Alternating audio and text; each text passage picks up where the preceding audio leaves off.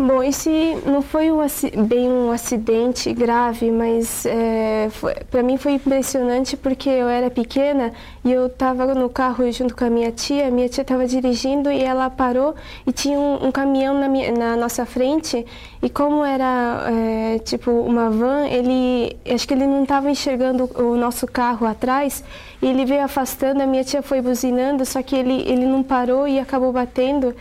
E aquele foi o primeiro acidente de carro que eu, eu presenciei assim tão de perto, então para mim foi, foi impressionante.